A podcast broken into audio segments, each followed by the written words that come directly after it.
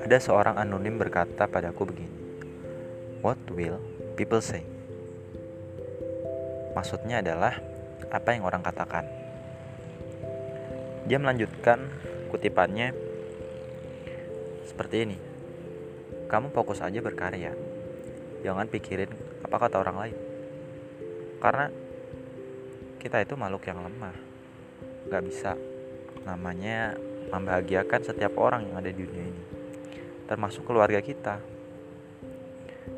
Bahkan diri kita sendiri pun sering gak puas sama apa yang kita lakukan. Jadi, fokus aja belajar dan terus meningkatkan ilmu pengetahuan. Tingkatkan produktivitas kamu. Dan jangan pikir apa kata orang lain.